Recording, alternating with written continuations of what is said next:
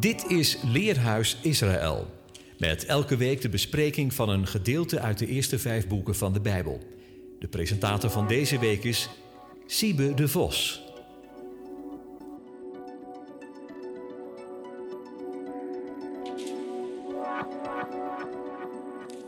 We naderen alweer het slot van het boek Devarim, Deuteronomium. En daarmee dus ook het einde van de Torah-cyclus. Vandaag lezen we Parashat Wajelech en hij ging. Wajelech komt van halach, dat gaan of wandelen betekent. Het woord halacha is ervan afgeleid. Halacha wil zeggen, hoe moet je wandelen? Zo wordt de mondelinge leer ook genoemd, waarvan orthodoxe joden geloven dat hij ook in de kern op de berg Sinai door Mozes is gegeven en omvat de Mishnah en de Talmud en ook de latere commentaren daarop. Centraal stond steeds de vraag: hoe moet je de geboden van de Torah interpreteren en toepassen? En hoe je daar verder ook over kunt denken, er moet altijd een vertaalslag plaatsvinden naar het echte leven. In het Bijbels Hebreeuwse denken staat het doen namelijk centraal. De parasha opent met de zin: Vayelech Moshe vaydaber et hedevarim ha'ele el kol Yisrael. De studiebijbel geeft dat als volgt weer. Mozes gaat voort en spreekt opnieuw woorden tot de Israëlieten. Het zijn de laatste afsluitende woorden die Mozes naar Israël toe uitspreekt. Daarin staat zijn heengaan centraal. Hij zal de Jordaan niet overtrekken. Nee, God zelf zal voor u uit overtrekken. En Joshua speelt daarin de hoofdrol. De eeuwige zal alle koningen van Canaan aan hen uitleveren. Israël moet met hen doen zoals hij heeft geboden en sterk en moedig zijn. De Torah die Mozes achterlaat moet elke zeven jaar opnieuw tijdens het Lofuttefeest voorgelezen worden. Het hele volk moet het aanhoren, mannen, vrouwen, kinderen en vreemdelingen. Dan overhandigt hij de Torah aan de priesters en de oudsten van Israël. Zij zullen moeten voorgaan in het bewaren en onderhouden van deze woorden. De Torahrol moet worden bewaard naast de Aaron HaKodesh, de ark van het verbond, als stille getuige voor het volk. De tweede getuige is het lied dat Mozes het volk gaat leren en samen met Joshua gaat zingen. Er zal een tijd komen dat Gods onderwijs niet meer gewild is. In Deuteronomium 31, vers 18 voorzegt de eeuwige: Ik zal mijn aangezicht op die dag zeker verbergen, vanwege al het kwaad dat het volk gedaan heeft want het heeft zich tot andere goden gekeerd. Maar het lied zal blijven klinken. Als derde worden hemel en aarde aangeroepen als getuigen. Na het lied en de zegen zal Mozes definitief gaan. Aan de Torahlezing komt een eind. Maar er komt een nieuw begin. Bereshit. Dit weekend is er ook een bijzondere Shabbat met de naam Shabbat Shuvah. Shabbat van de terugkeer. Het Hebreeuwse woord is teshuvah, een moeilijk te vertalen woord. Het woord bekering is te veel besmet met de gedachte dat je van godsdienst zou moeten veranderen. Teshuvah houdt in terugkeer naar je oorsprong, naar God, naar datgene waarvoor je bedoeld bent. In die zin zitten we allemaal in een proces van teshuvah. Daar mogen we in deze tijd extra bij stilstaan. Want er is hoop na Mozes. In Psalm 23, vers 3 lezen we: Mijn ziel keert door hem in mij terug. Hij leidt mij in sporen van gerechtigheid, omwille van zijn naam. En in Jesaja 55, vers 6 en 7 lezen we: Zoek de ene terwijl hij zich laat vinden. Roep de ene aan terwijl hij nabij is. De boosdoener verlaten zijn weg. De man van onheil zijn gedachten. Hij keerde terug naar de ene. En die zich, zal zich over hem ontfermen. Naar onze God, want die vergeeft veelvuldig. Iemand die ver is afgedwaald van de eeuwige, maar terugkeert tot hem, wordt in de Joodse traditie een Baal Teshuvah genoemd. Een meester van de terugkeer. Als de verloren zoon nog ver af is, komt zijn vader hem al tegemoet in Lucas 15, vers 20. Op dezelfde manier zendt God in Jesaja 55 vers 10 de regen van zijn woord, om datgene te bewerken wat zijn volk zelf niet kan. Op deze Shabbat Shuvah zijn er drie kleine profetenlezingen. De eerste is uit Hosea 14, vers 2 tot en met 10. Daaraan ontleent deze speciale Shabbat ook haar naam. Shuvah Israël. Keer terug, Israël. God zelf zal hun afkerigheid genezen en zal zijn als de dauw voor Israël. De tweede lezing is uit Joel 2, vers 15 tot en met 27. Blaas de bazuin op Sion, heilig hem vasten. Er wordt gehuild en geroepen tot Adonai. God zendt de leraar ter gerechtigheid en doen neerdalen zal hij voor u een stortbui van herfstregen en lenteregen, als in het eerst. Joel 2, vers 23. De derde lezing is uit Micha 7, vers 18 tot en met 20. In vers 19 staat iets bijzonders. In het Hebreeuws, Yashuv Yerachamenu. Hij zal omkeren en zich over ons ontfermen. Hij zal onze ongerechtigheden vertreden. Al onze zonden zult gij werpen in de diepte der zee. Dat stemt overeen met een van de lezingen uit de apostolische geschriften. Die is uit Romeinen 10, vers 1 tot en met 17. In vers 4 zegt Shaul, want einddoel van de Torah is de Messias, tot rechtvaardiging van al wie gelooft. Er is daarin geen onderscheid tussen Jood en Griek. Geloof is uit het horen, en het horen door het woord van de Messias. Ik wil zo meteen verder kijken naar het afscheid van Moshe, de voorlezing van de Torah en de voetstappen van Jehoshua.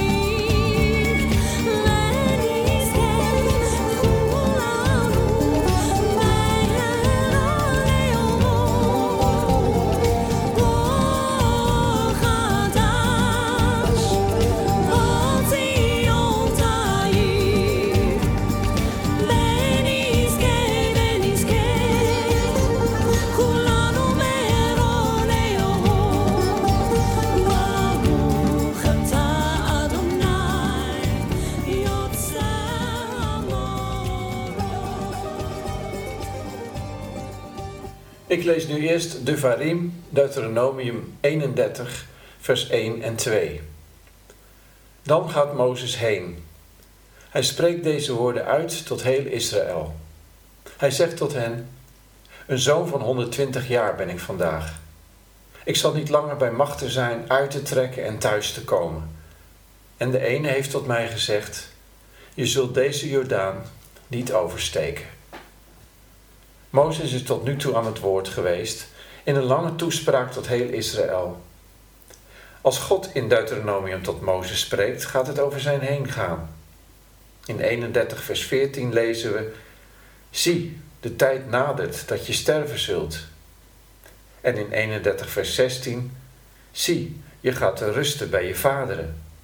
En tenslotte in 32 vers 49, de volgende parasha: Beklim dit gebergte, de Nebo, aanschouw het land Canaan en sterf op de berg Nebo, zoals Aaron op de berg Hor is gestorven. Het woord Wajelech aan het begin van de parasha lijkt een beetje vreemd. Hoe kan Mozes heen gaan en woorden uitspreken tegelijk? Veel vertalingen hebben daarom een oplossing zoals de HSV. Daarop is Mozes deze woorden tot heel Israël gaan spreken. De Statenvertaling vertaalt het zoals de staat. Daarna ging Mozes heen en sprak deze woorden tot gans Israël. De vertaling van Rabijn A.S. Onderwijzer uit 1901 heeft: Hierop ging Mozes en sprak deze woorden tot geheel Israël. Volgens een oude Joodse traditie gaat Mozes alle tenten van Israël nog een keer langs om van ieder persoonlijk afscheid te nemen. Het einde is in zicht. Het doek gaat vallen. Hij zal de berg beklimmen, maar ditmaal niet meer terugkomen. Ze gaan samen eerst nog een lied zingen.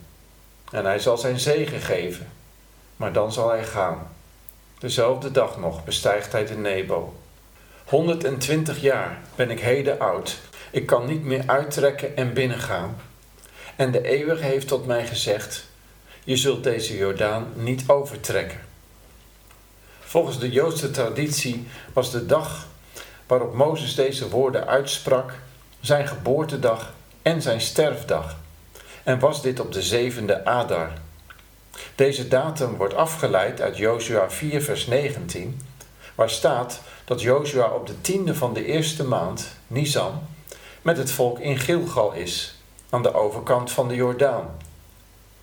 In Jozua 1 vers 11 kunnen we lezen dat hij het volk drie dagen de tijd had gegeven om zich voor te bereiden op de overtocht, dus op de zevende Nisan.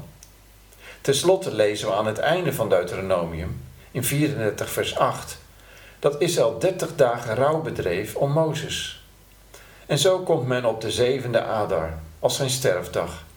Hij zegt, vandaag ben ik 120 jaar, dus is het ook zijn geboortedag.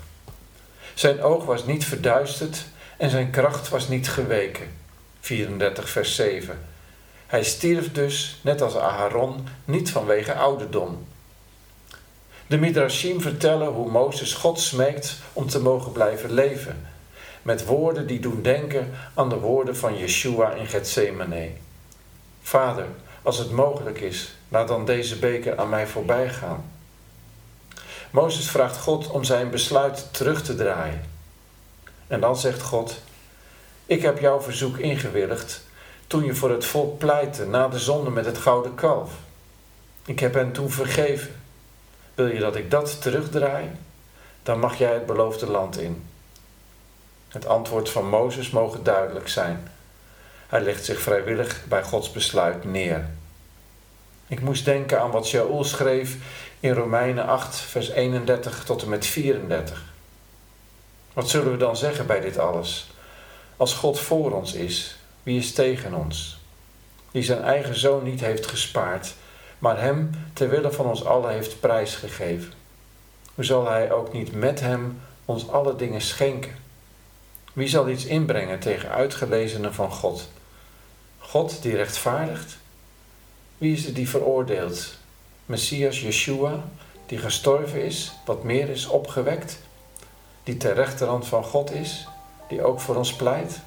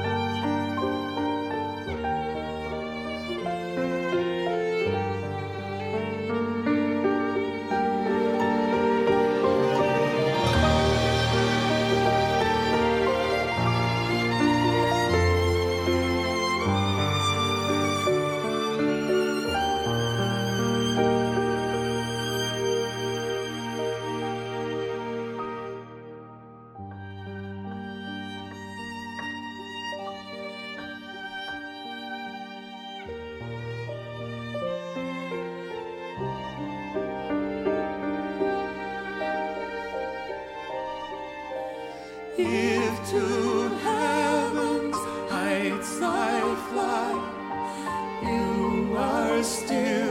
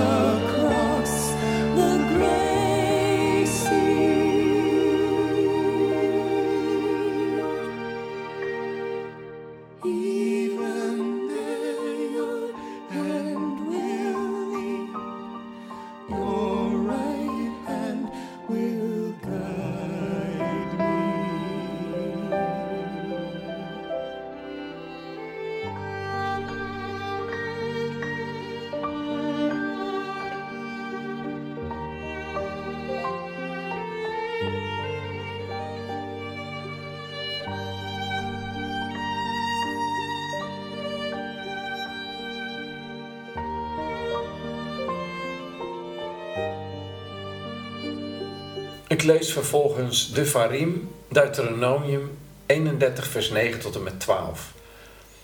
Dan schrijft Mozes dit onderricht op en geeft het aan de priesters, de zonen van Levi, de dragers van de ark van het verbond met de ene, en aan alle oudsten van Israël. Mozes gebiedt hun en zegt: Na verloop van zeven jaren, in het overeengekomen jaar van de kwijtschelding op het Lofuttefeest, wanneer heel Israël komt om zich te laten zien bij het aanschijn van de ene je God, in het oord dat hij zal kiezen, dan zul je op roeptoon dit onderricht tegenover heel Israël voorlezen in hun oren. Vergader de gemeente, de mannen, de vrouwen, het kroost en de zwerver te gast bij jou binnen je poorten, opdat ze mogen horen en opdat ze leren en zullen vrezen de ene uw God en zullen waken om te doen alle woorden van dit onderricht. Vaak wordt de Torah, en met name het boek Deuteronomium, bestempeld als een doorwetboek met lastige wetten en regels, waar je vandaag de dag niet veel meer mee kunt. Wanneer je dieper gaat, ontdek je juist dat het boek bol staat van emotie. Torah betekent onderwijzing. De wortel ervan is het woord yara, met als grondbetekenis schieten op een doel en dat doel raken. Zonde is dan het doel missen. Yara kan ook regenen betekenen. De aardbodem wordt gelaafd. De derde betekenis is onderrichten en draagt de voorgaande twee betekenissen in zich. God onderwijst ons om tot Hem terug te keren, Hem te kennen en te dienen. En God kennen is met Hem wandelen en Zijn werken doen. Hij is de Moré, de leraar der gerechtigheid.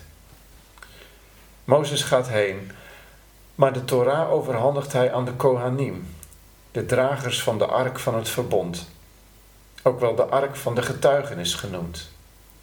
De tien woorden, de grondwet van het verbond, worden ook wel de getuigenis genoemd. Ook aan de oudsten, de leiders, geeft hij de Torah. We vinden dat in Deuteronomium 31, vers 9. En het komt terug in vers 24 tot en met 26. De rol van de Torah als een volmaakt geheel. Hij geeft hen de Torah met de instructie dat deze elke zeven jaar voorgelezen moet worden. Dat gebod wordt wel de hakhel genoemd, wat betekent vergader een samenkomst. En wie dan? Alle mannen, vrouwen, kinderen en vreemdelingen. Dat is opmerkelijk. Die allen moeten de hele Torah horen. Dus ook de kinderen en ook de niet-Joden die binnen Israël wonen. En wanneer precies? Miket Shanim, Bemoed Shemat HaShemitah, Begach HaSukkot. Aan het einde van zeven jaren, tijdens de vastgestelde tijd, het jaar van de Shemitah, de kwijtschelding. Zes dagen werk worden gevolgd door de zevende dag. Zes maanden komen uit bij de zevende maand, het Loofhuttenfeest, het slot van de jaarlijkse cyclus van opgangsfeesten. En tenslotte worden zes jaren van ploegen, zaaien en oogsten gevolgd door een zevend jaar van rust voor het land. Maar er is nog een element. Dat vinden we in Devarim 15, vers 1 en 2. Na verloop van zeven jaren zul je een kwijtschelding houden. En dit is de afspraak voor de kwijtschelding. Kwijtschelden zal elke schuldheer de lening van zijn hand, waarmee hij leende aan zijn naaste. Hij mag zijn naaste, zijn broeder, niet aanmanen, want uitgeroepen is de kwijtschelding voor de ene. In de synagoge van Nazareth verkondigt Yeshua vanuit Jesaja 61 dat hij gekomen is om loslating te verkondigen aan de gevangenen. En hoe kunnen we beperkt worden door schuld, van welke aard dan ook? Maar er is kwijtschelding mogelijk. En dat is de boodschap van de Torah. In Johannes 7, vers 14 gaat Yeshua tijdens Loofhutten naar de tempel en leert. Hij stelt, met name tegenover de leiders van zijn tijd, vers 19, heeft Mozes u niet de Torah gegeven? En niemand van u doet de Torah. En in vers 23 raakt hij de kern. Als een mens de besnijdenis ontvangt op Shabbat, juist om de Torah van Mozes niet te breken, bent u dan verbitterd tegen mij omdat ik een heel mens gezond gemaakt heb op Shabbat? Vorige week hebben we kunnen horen dat er in Deuteronomium een element werd toegevoegd aan het verbond op de Sinaï, de besnijdenis van het hart. En God zelf is de besnijder, de mohel. Shaul maakt de besnijdenis van het hart concreet in Romeinen 10 vanaf vers 9. Want indien gij met uw mond beleidt dat Yeshua Heer is en met uw hart gelooft dat God hem uit de doden heeft opgewekt, zult gij behouden worden. Want er is geen onderscheid tussen Jood en Griek. Want al wie de naam van de eeuwige aanroept, die zal behouden worden. De Torahlezing in het jaar van de vrijlating ziet uit op de tijd dat de Torah zal uitgaan vanuit Jeruzalem, de plaats die Adonai verkoos om er zijn naam te laten wonen. In Jesaja 2 en Micha 4 lezen we de bekende woorden. Volken zullen daar samenstromen. Machtige naties zullen zeggen: Laten we optrekken naar de berg van de eeuwige, naar de tempel van Jacobs God. Hij zal ons onderrichten, ons de weg wijzen, en wij zullen zijn paden bewandelen. In de Acharit Yamim, in de laatste dagen, zal de loslating plaatsvinden in het vrederijk. Mozes gaat heen. Hij laat de Torah als getuige achter. Hij weet wat er zal misgaan in de tijd die nog komt. Lees 31 vers 16. Maar hij weet ook dat hij gesproken heeft over de profeet die na hem komt. En dan zal het uiteindelijk toch goed komen.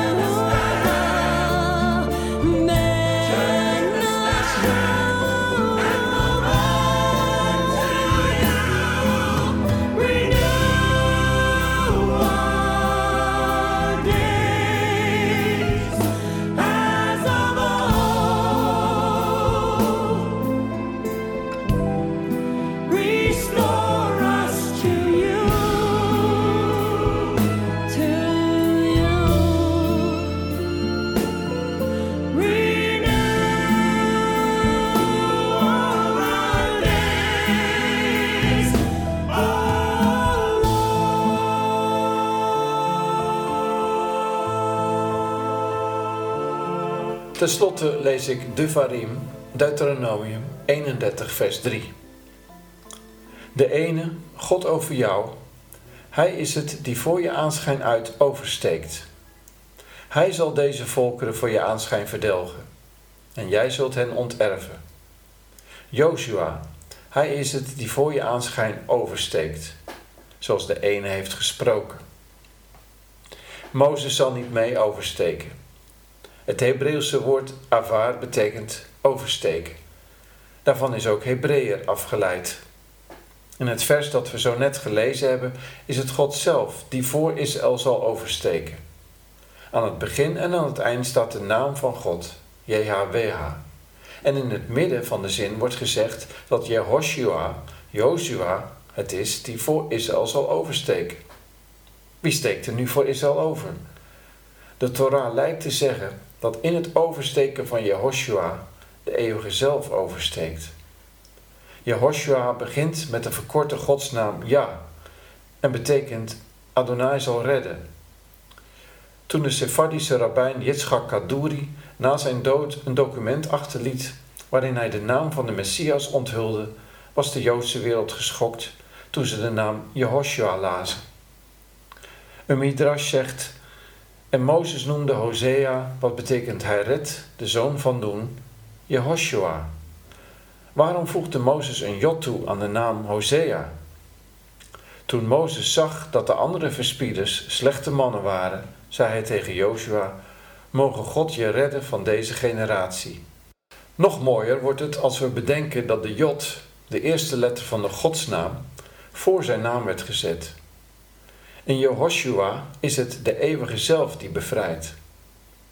In Matthäus 1, vers 21 zegt de engel tegen Jozef over het kind dat zijn aanstaande zal gaan baren: Geef hem de naam Yeshua, want Hoshia, hij zal zijn volk bevrijden van hun zonde.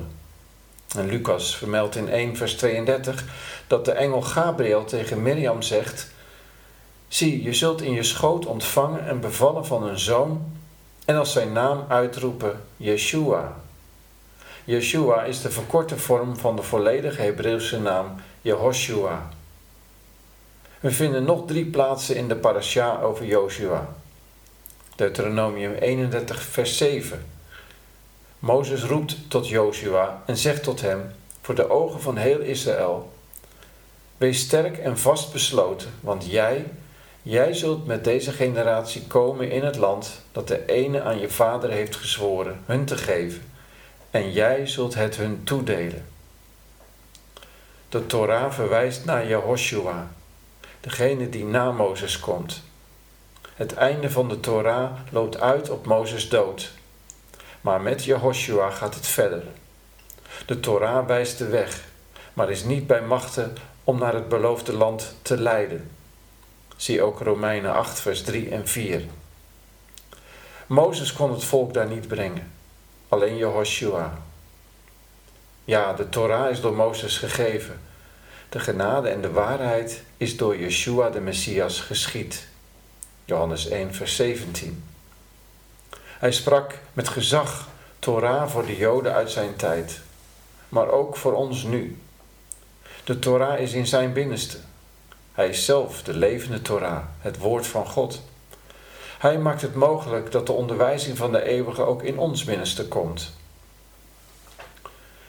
In 31 vers 14 lezen we: Dan zegt de ene tot Mozes: Zie hier, genaderd zijn voor jou de dagen om te sterven.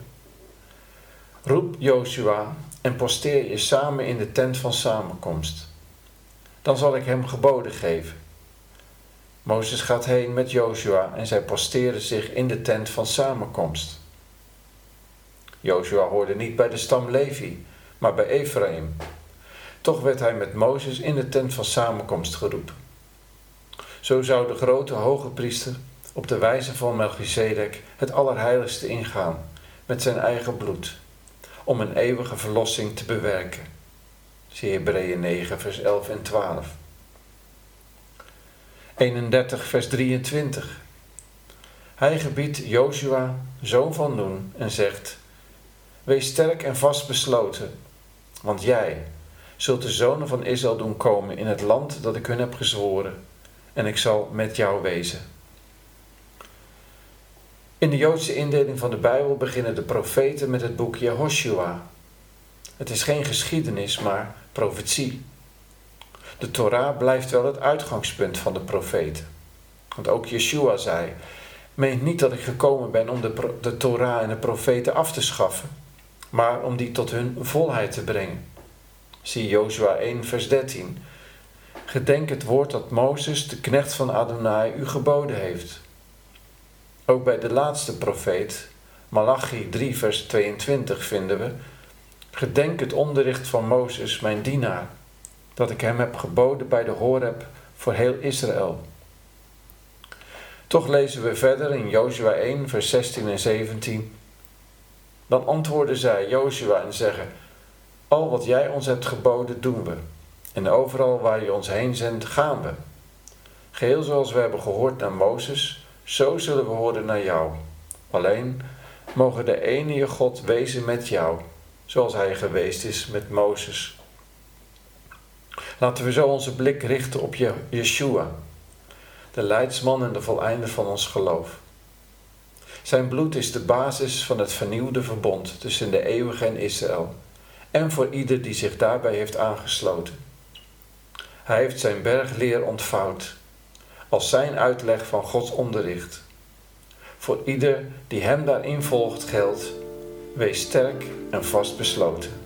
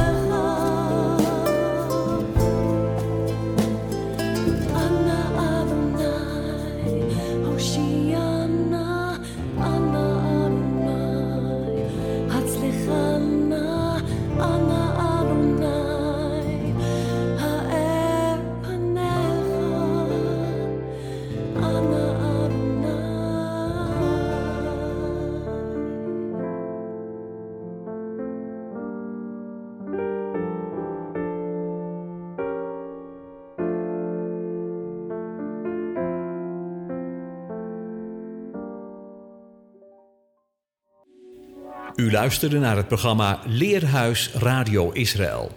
Een wekelijkse studie aan de hand van de Bijbelgedeelten die wekelijks door de Joodse gemeenschap worden gelezen. Heeft u een vraag of opmerking? Stuur dan een e-mail naar info-apenstaatje radioisrael.nl. Het leesrooster vindt u op onze website. Ga naar radioisrael.nl en klik onder het kopje radio op programma's.